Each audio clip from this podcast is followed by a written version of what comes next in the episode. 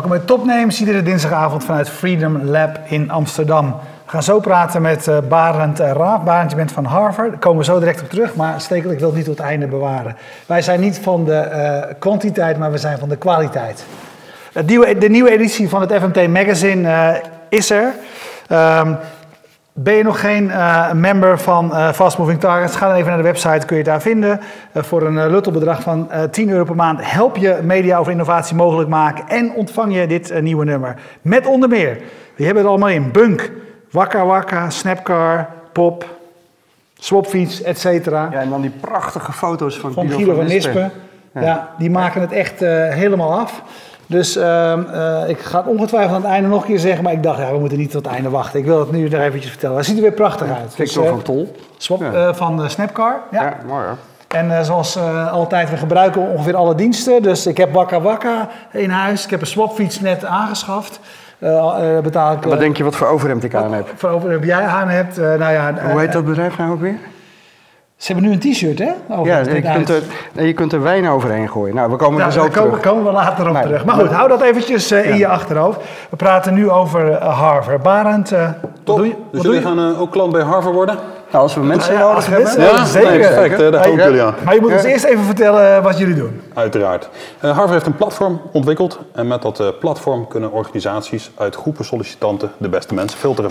Ja, dat wil iedereen. Ja, daarom. Dus in die zin heb je een hele dus, makkelijke uh, pitch. Nou, dan zijn we rond. ja, ja. Maar hoe doen jullie dat? Um, nou, de traditionele manier van uh, mensen aannemen is vaak dat sollicitanten gevraagd wordt om een, uh, om een cv op te sturen. En daar kijken recruiters dan naar om een mening te vormen. dat is best wel een oud proces. Dus wij hebben dat rigoureus op de schop gegooid. Dus bij onze klanten, als je daar wil gaan solliciteren, stuur je geen cv meer op. Maar je gaat door een online proces. En in dat online proces doen wij twee dingen. We laten je zien wat het werk inhoudt. Dus je, ja, beter dan wanneer je normaal een, uh, jobsomschrijving uh, ziet. Um, ja, je krijgt een beter beeld van wat het werk inhoudt. En tegelijkertijd zijn wij in staat om zaken te meten die voorspellend zijn voor succes. Um, dat laatste klinkt interessant. Klopt. Ja, wat, uh, hoe, hoe, doe je dat? Weet je, dat, dat klinkt natuurlijk heel, heel fancy. Hoe werkt dat dan? Um, het hangt natuurlijk af van het type werk wat je moet gaan doen. Maar bijvoorbeeld als voorbeeld, stel je moet in een, eh, een callcenter, of je wil graag in een callcenter gaan werken, uh, dan zegt een cv niet zoveel of je dat zou kunnen of niet. Zeker niet als je net van school komt. Maar wat wij kunnen meten is je computervaardigheid, je typvaardigheid, je persoonlijkheid, je intelligentie. Uh, we kunnen 46 talen doormeten, dus kijken of je goed Nederlands en Engels schrijft en spreekt. Al die uitkomsten van al die testen en assessments, die gaan in een algoritme. En het algoritme kan dan berekenen wat de kans is dat je succesvol aan de slag kan daar. Ja, en dat doen jullie online, neem ik aan? Ja, dat, dat volledig online proces. Je hoeft niet langs te komen als je wil nee. Uh, nee. Uh, solliciteren. Nee. Um, de, de, de, in, in een cv uh, zijn mensen natuurlijk relatief vrij om op te schrijven wat hun kwaliteiten ja. zijn. is dit een soort fact-check op eigenlijk wat je daarin opschrijft? Ja. Kun je het zo zien? Ze noemen het pre-selectie, hè? Maar... Je kan het als fact-check zien, maar heel veel zaken kan je niet op een cv omschrijven. Um, omdat ja, niet alles in een cv geduid kan worden. Kan je goed met mensen omgaan? Ja, dat kan je omschrijven in wollige woorden. Maar wat, wat zegt dat nou echt? Dus er zijn een aantal zaken. Ja, maar hoe kunnen jullie dat dan online meten? Met persoonlijkheid assessments bijvoorbeeld. Ja? Uh, dat in? Wat, hoe werkt dat? Um, er zijn verschillende manieren voor. De traditionele manier is een vragenlijst. En een andere manier om te kijken hoe iemand zich gedraagt in een uh, situatie is wat ze situational judgment testing noemen. Um, we laten dan een sollicitant bepaalde situaties meemaken en kijken hoe die reageert. En op basis van een ja, meervoud aan, uh, aan situaties kan je dan in kaart brengen of dat ja, gedrag in de, in de buurt ligt van wat de klant zou willen. En hoe gaat dat dan? Schrijven jullie dan op? Uh, weet ik veel, er komt, een klant, er komt een klant binnen met, die kwaad is over de service, bla bla bla. Er komt de man met de dokter. Nou ja, maar hoe, dat, ja, dat zou, dat nee, dat zou kunnen. Uh, maar ja, dat is natuurlijk niet helemaal van deze tijd. Dus wij werken het liefst met, uh, met multimedia. Dus er worden scènes gefilmd en de scène stopt en we vragen hoe zou jij reageren als jij nu in deze scène zou zijn.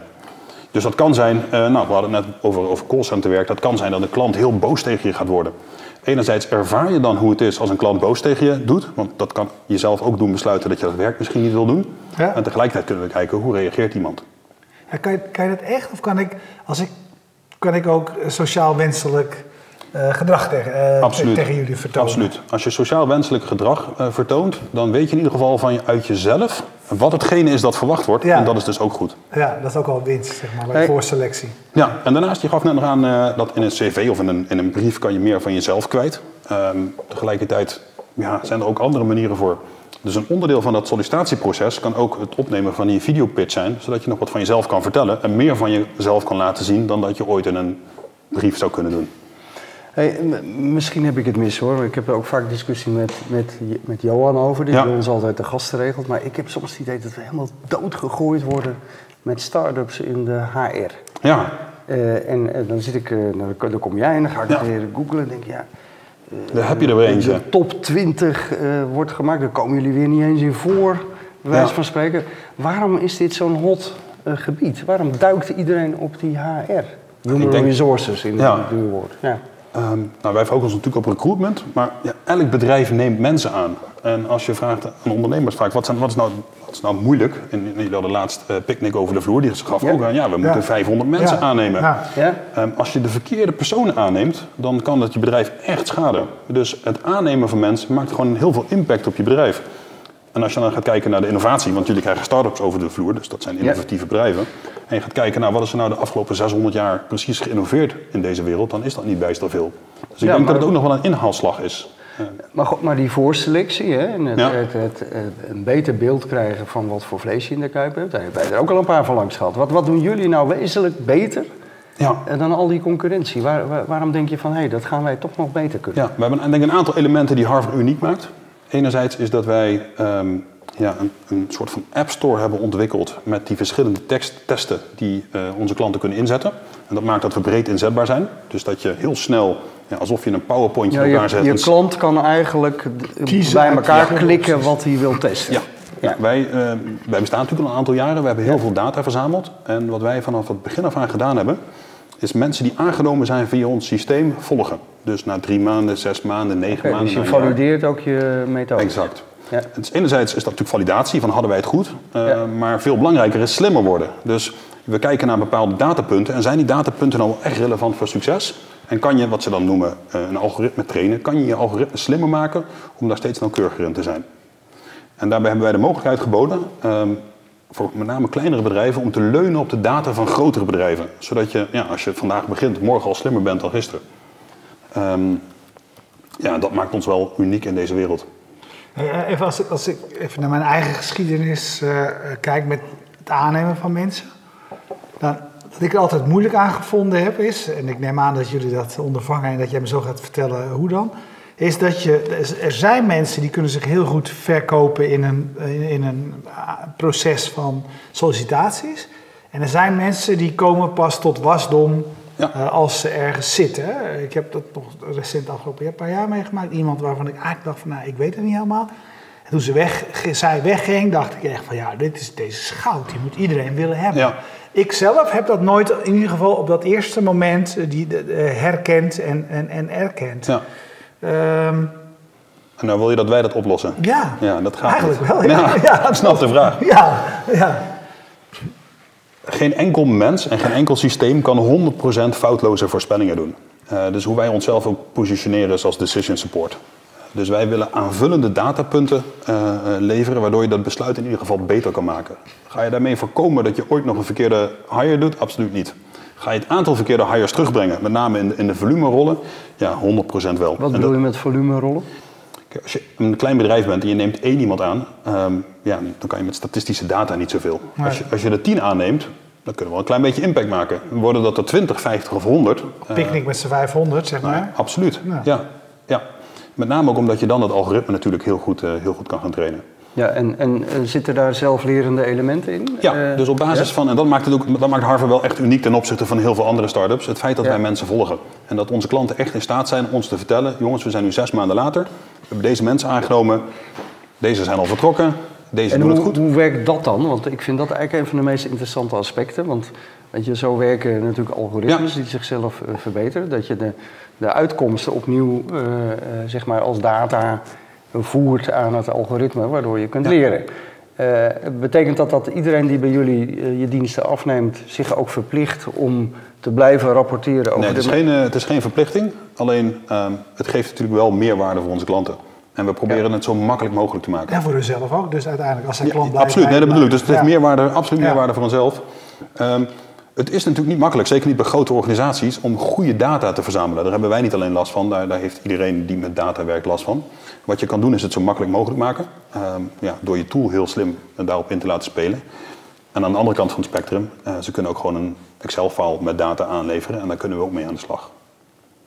Ja, en hoe, hoe werkt dat dan uh, precies? Want je zei net ook, als het, als het over die data gaat, dat je eigenlijk de kleine bedrijven bijvoorbeeld in staat, stelt, ja, ja. In, in, staat stelt om de, de data van de grotere bedrijven te gebruiken. Er zitten natuurlijk enorm veel privacygevoelige aspecten in. Hoe hebben jullie dat allemaal afgedikt? Ja. Ja, het is, hebben bedrijven niet heel erg de neiging om juist op die data te blijven zitten? Ja, data heeft natuurlijk meerdere lagen. Hè? Dus als je het hebt over persoonsdata, ja, met de nieuwe wetgeving absoluut heilig. Daar komt niemand aan.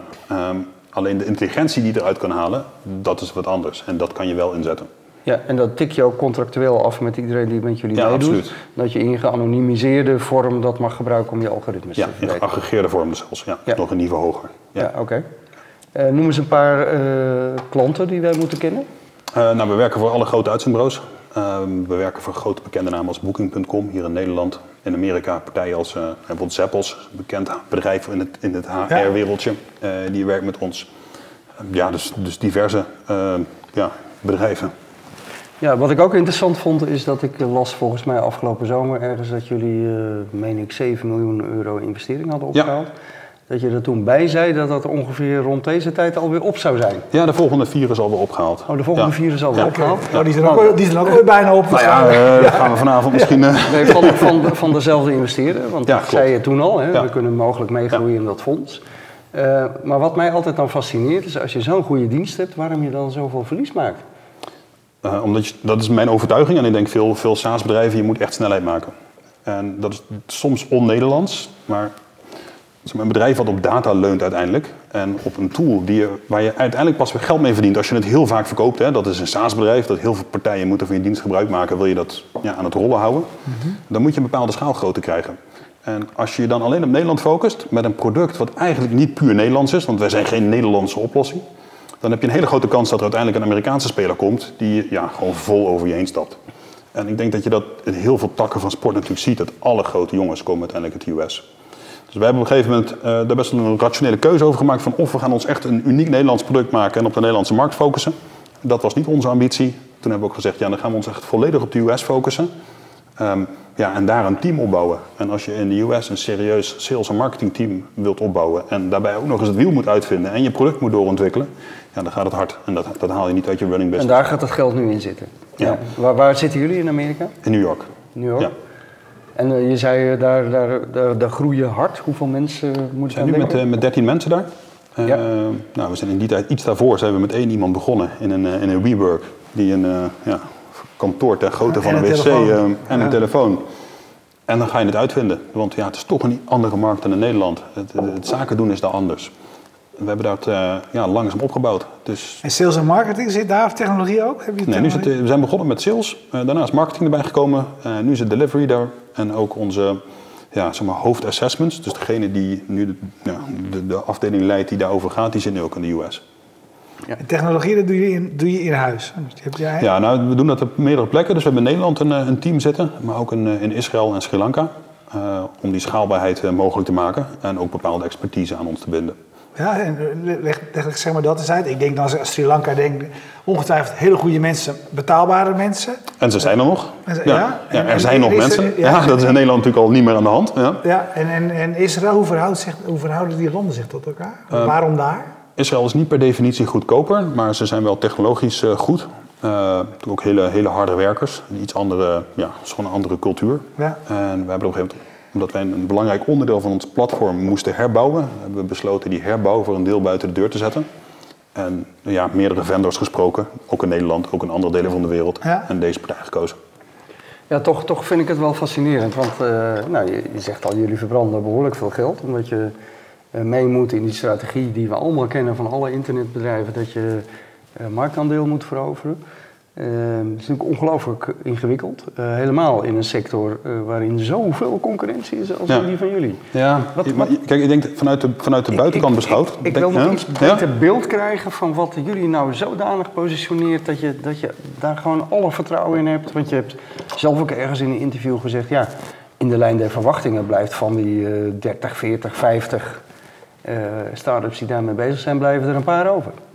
Ik denk überhaupt, hè, dus als je naar het start-up landschap kijkt, wat is het? Ja.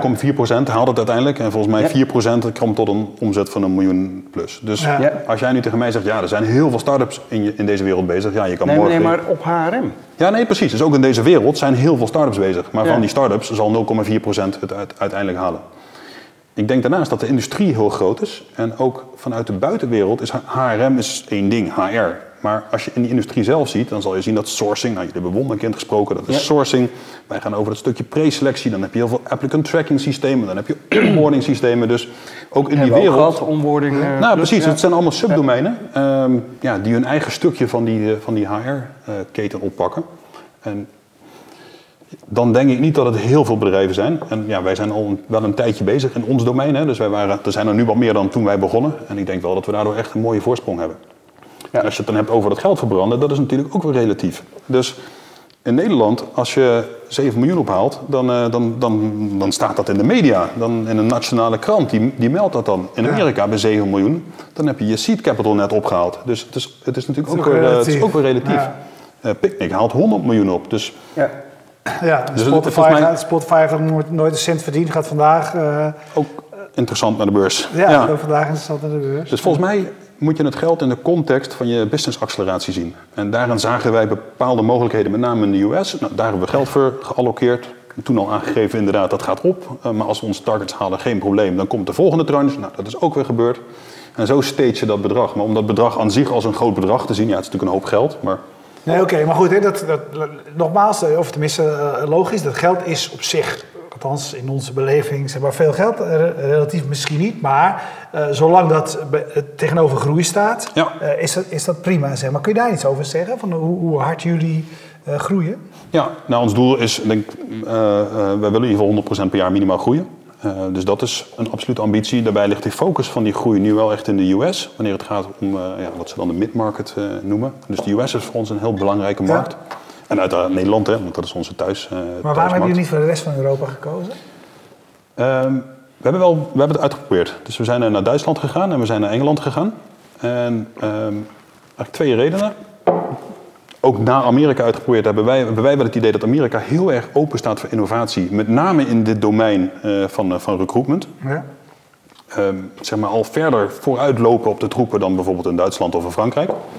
Eh, de taalbarrière is natuurlijk ook iets waar je gewoon rekening mee moet houden. In, in Duitsland willen mensen gewoon Duits spreken als je zaken met ze doet. En in Amerika is iedereen gewend dat je ook steenkolen Engels eh, Ja. eh, kan spreken. En ik geloof ook echt dat als je het in Amerika gemaakt hebt, dat dan de stap terug veel makkelijker is dan dat als je het in Duitsland ook gedaan hebt, dat, dat Amerika je dan omarmt. Dus ja, en dan moet je focussen. En daarom hebben we toen gezegd, dan gaan we ook Ja. alles op de US En. Engelsen zijn gewoon eigenwijze snijbonen. Dus die spreken de taal ook, maar dat is een ander, ander verhaal. Het is ook een, weer een andere cultuur, Ja. absoluut. Maar ook daar hebben we leuke klanten hoor. Ja, maar cultuur is, cultuur Het is is anders. eigenlijk het ding. Ja. hè? Eh, maar de cultuur is wel een interessant ding. Eh, Johan Schaap vraagt het ook op Twitter. Ehm, eh, met name, ja, wie zijn de, de, de grote concurrenten? Maar ook vooral, is het een winner takes it all markt? Of zijn er juist ook heel erg lokale elementen hier? Taal, cultuur.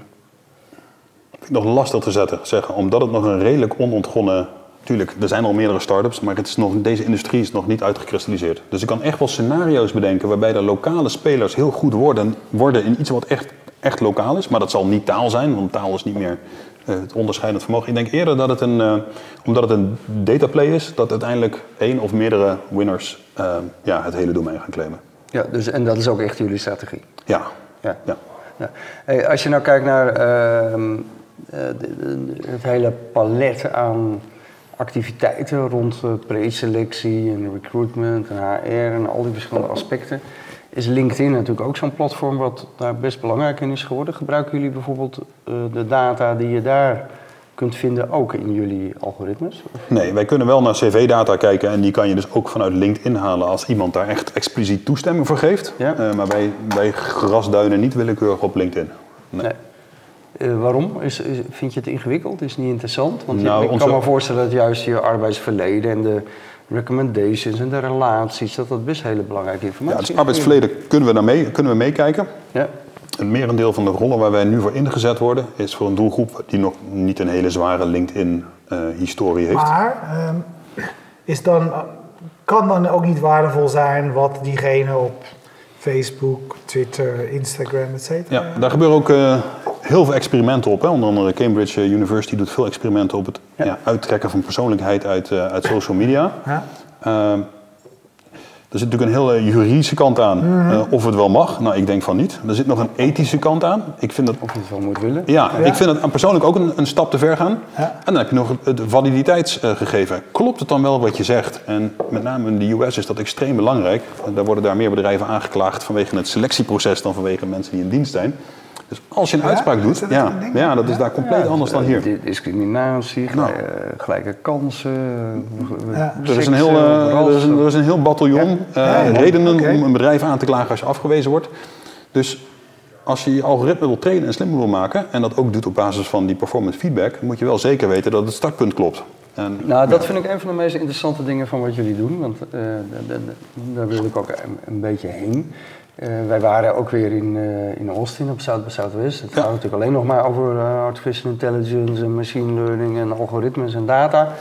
En wat, wat mij ook weer heel erg opviel daar is dat, weet je, uiteindelijk als je in die algoritmes dezelfde bias meeneemt die in een samenleving Ja. zit, of in dat toevallig de Ja. meeste HR-mensen binnen bedrijven eh, white male eh, mensen van tussen de 40 en de 50 zijn.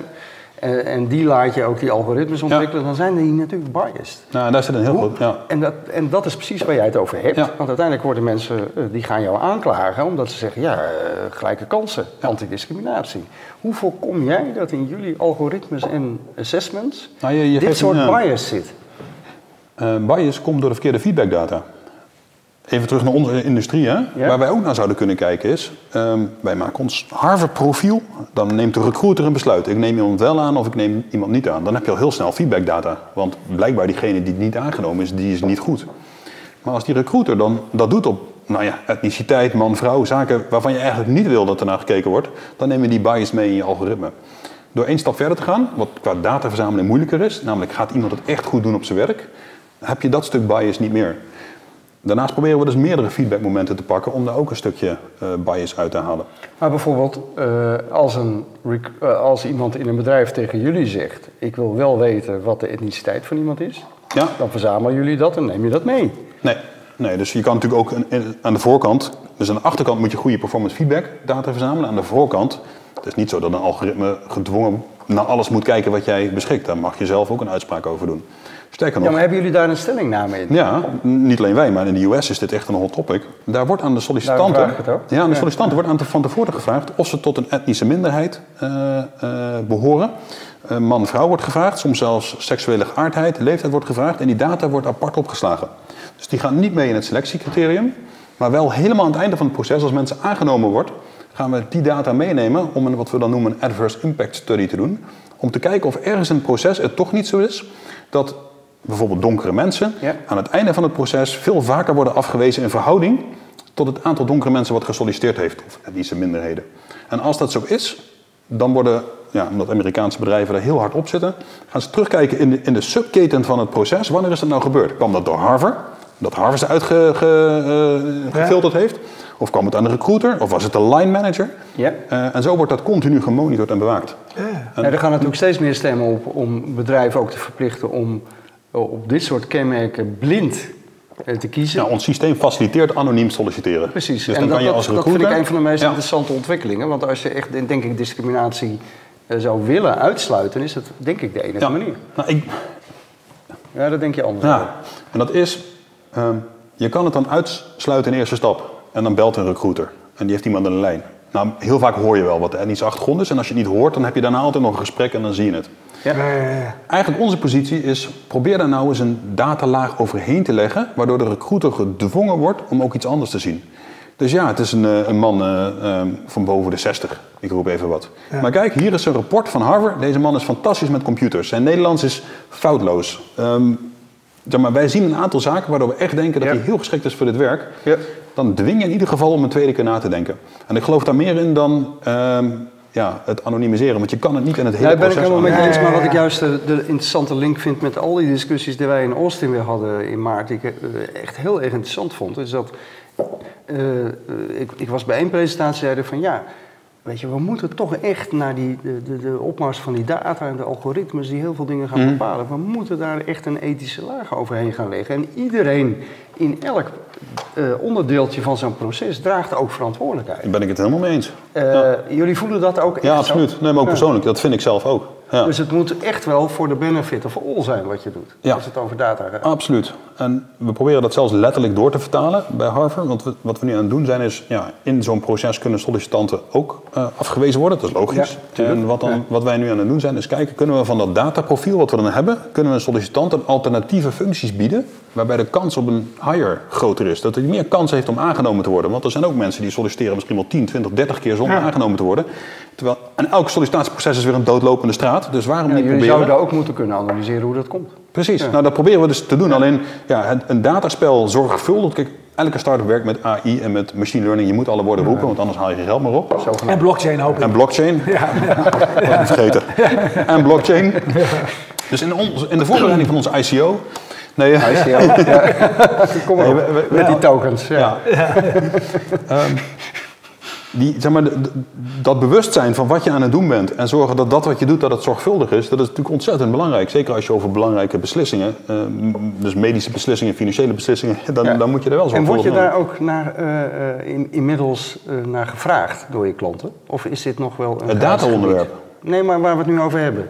De Ehm, ethiek van, het, van de, de, de, De selectie. dit soort Ja, mechanismen, jij laag diep- antidiscriminatie. Dat wel. Dus als als het gaat over de ethiek in recruitment, is dat gewoon een heel hot topic, ook in Nederland. Ja. nu. Dus ab- absoluut. En ik denk ook dat ehm, veel HR-professionals zijn natuurlijk wat ze dan mensen mensen noemen. Dus die zijn daar ook wel echt heel bewust mee bezig. Dus dat is heel goed om te zien. Die datalaag die daarbij mee gaat spelen, dat is natuurlijk vrij nieuw. Ja. Ehm, ook, met name ook in die HR, maar ik denk in elke industrie. Dus het is niet zo dat wij filosofische discussies met onze klanten over ja, machine learning hebben, maar wel over wat dat zou kunnen betekenen in recruitmentprocessen.